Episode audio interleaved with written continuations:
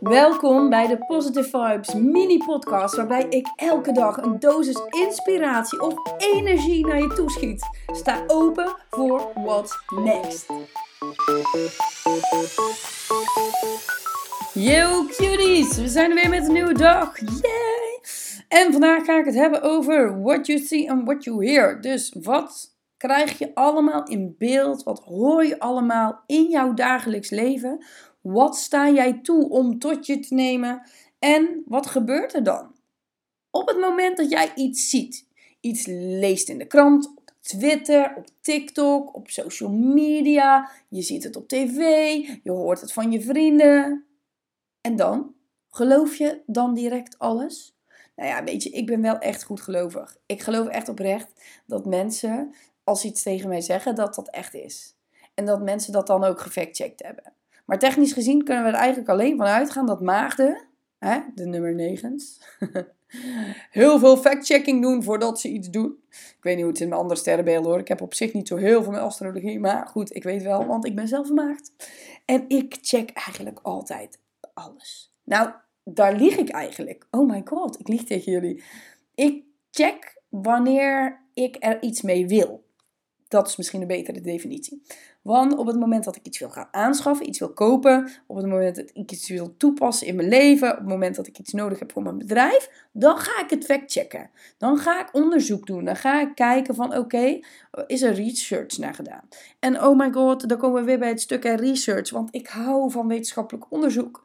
Maar ik ben ook mega spirit vibes. Dus da, die twee werelden bij elkaar brengen is eigenlijk iets het mooiste is wat er kan gebeuren. Maar heel veel dingen uit de spirituele wereld kunnen we niet verklaren en zijn gewoon daar.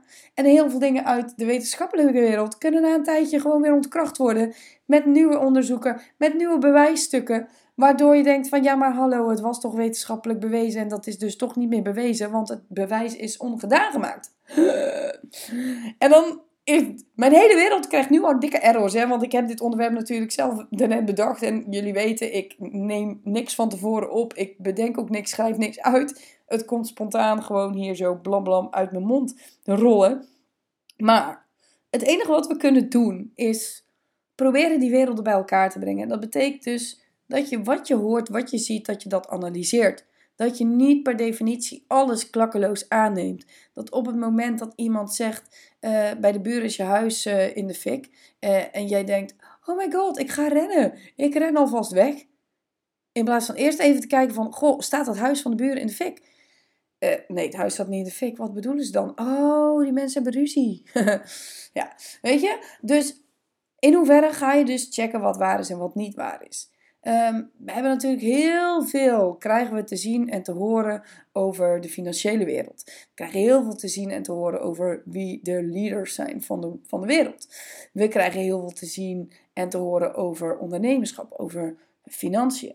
Ehm, hoe ga je daarmee om? Wat moet je doen? Hoe zit de wereld in elkaar? Hoe zit het met, met, met, met medici? Hoe zit het met medicatie? Hoe zit het met de plantenwereld? Al die dingen, ze hebben allemaal ergens wel een kern van waarheid. Er is vast ergens wel iemand die iets heeft ontdekt en daar dus iets over wil gaan zeggen. Maar het betekent niet dat de waarheid verdraaid wordt. Laten we even teruggaan naar de basisschool, de kleuterklas, groep 3, whatever. En je moest in een kring gaan zitten en ik weet, jullie hebben dat allemaal gedaan. Misschien als je niet in Nederland bent geboren dat het anders is geweest. Maar ik, ik geloof echt oprecht het doorgeefspelletje. Dus je zit naast iemand, die krijgt een zinnetje te zien of een woord. Dat zinnetje wordt doorgegeven aan de volgende persoon, fluisterend in het oor. Vervolgens naar de volgende persoon, naar de volgende persoon, naar de volgende persoon. En op een gegeven moment, wanneer het heel de klas door is gegaan en de laatste persoon mag diezelfde zin zeggen als die de eerste heeft gezegd, klopt die hele zin niet meer. Heb je zo je best gedaan om precies datgene te zeggen wat, wat diegene heeft gezegd? En het klopt niet meer. Dus, dus begonnen met uh, een koe geeft melk in de schuur. En de eindzin is bijvoorbeeld: de kat heeft melk gegeven aan de boer. Ja, klopt helemaal niks van. Maar goed, het ging wel ergens een keer over melk. Dus er klopt wel iets van, maar het is totaal verdraaid. En ik denk dat dat ook gewoon gebeurt in het dagelijks leven. Dingen worden overgenomen, dingen worden verdraaid, dingen worden anders geschreven. We hebben te maken met beelddenkers en we hebben te maken met taaldenkers. Dus wat gebeurt er op het moment dat een taaldenker een zin perfect vertelt tegen een beelddenker? En een beelddenker heeft een plaatje in zijn hoofd. Oh, maar die ziet ineens allemaal andere dingen erbij. En die vertelt het plaatje door aan, het, aan een volgende taaldenker. En dan komt weer bij een beelddenker. Nou het, gaat, het, het wordt helemaal het hek van de dam. Dus overbrengen van boodschappen en het checken van dingen. En dan nog, oké, stel je gaat iets checken, je hebt wetenschappelijk onderzoek gevonden, bronnen erbij. je past het toe in je leven en uh, nou ja, in principe is dat best oké, denk ik. Maar ja, goed, als dan inderdaad weer wat anders bewezen wordt, ga je het dan weer veranderen, is de vraag. dus in hoeverre moet je alles gaan analyseren? In hoeverre heeft het nut om dingen te analyseren?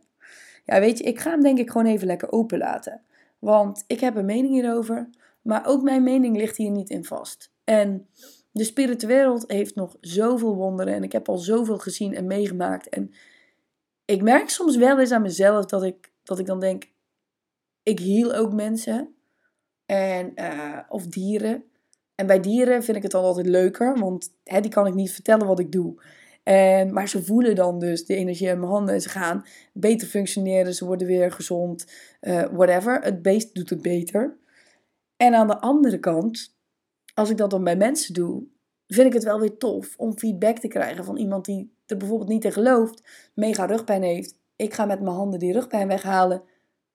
En dan vervolgens zegt die persoon: Jezus, ik ben van mijn rugpijn af. En ik vind dat zo leuk om dat dus wel terug te krijgen. Dus om wel die feedback te krijgen. En praten we dan in deze zin over fact-checking? Ja, in principe wel. Maar wat is real? Ja, dus anyway, ik ga hem in het midden laten. Ik ga hem echt in het midden laten. Ik wens jullie een hele fantastische fijne dag. En geniet. En kijk om je heen. Wat vind jij belangrijk? Wat is datgene wat jij moet checken of niet moet checken?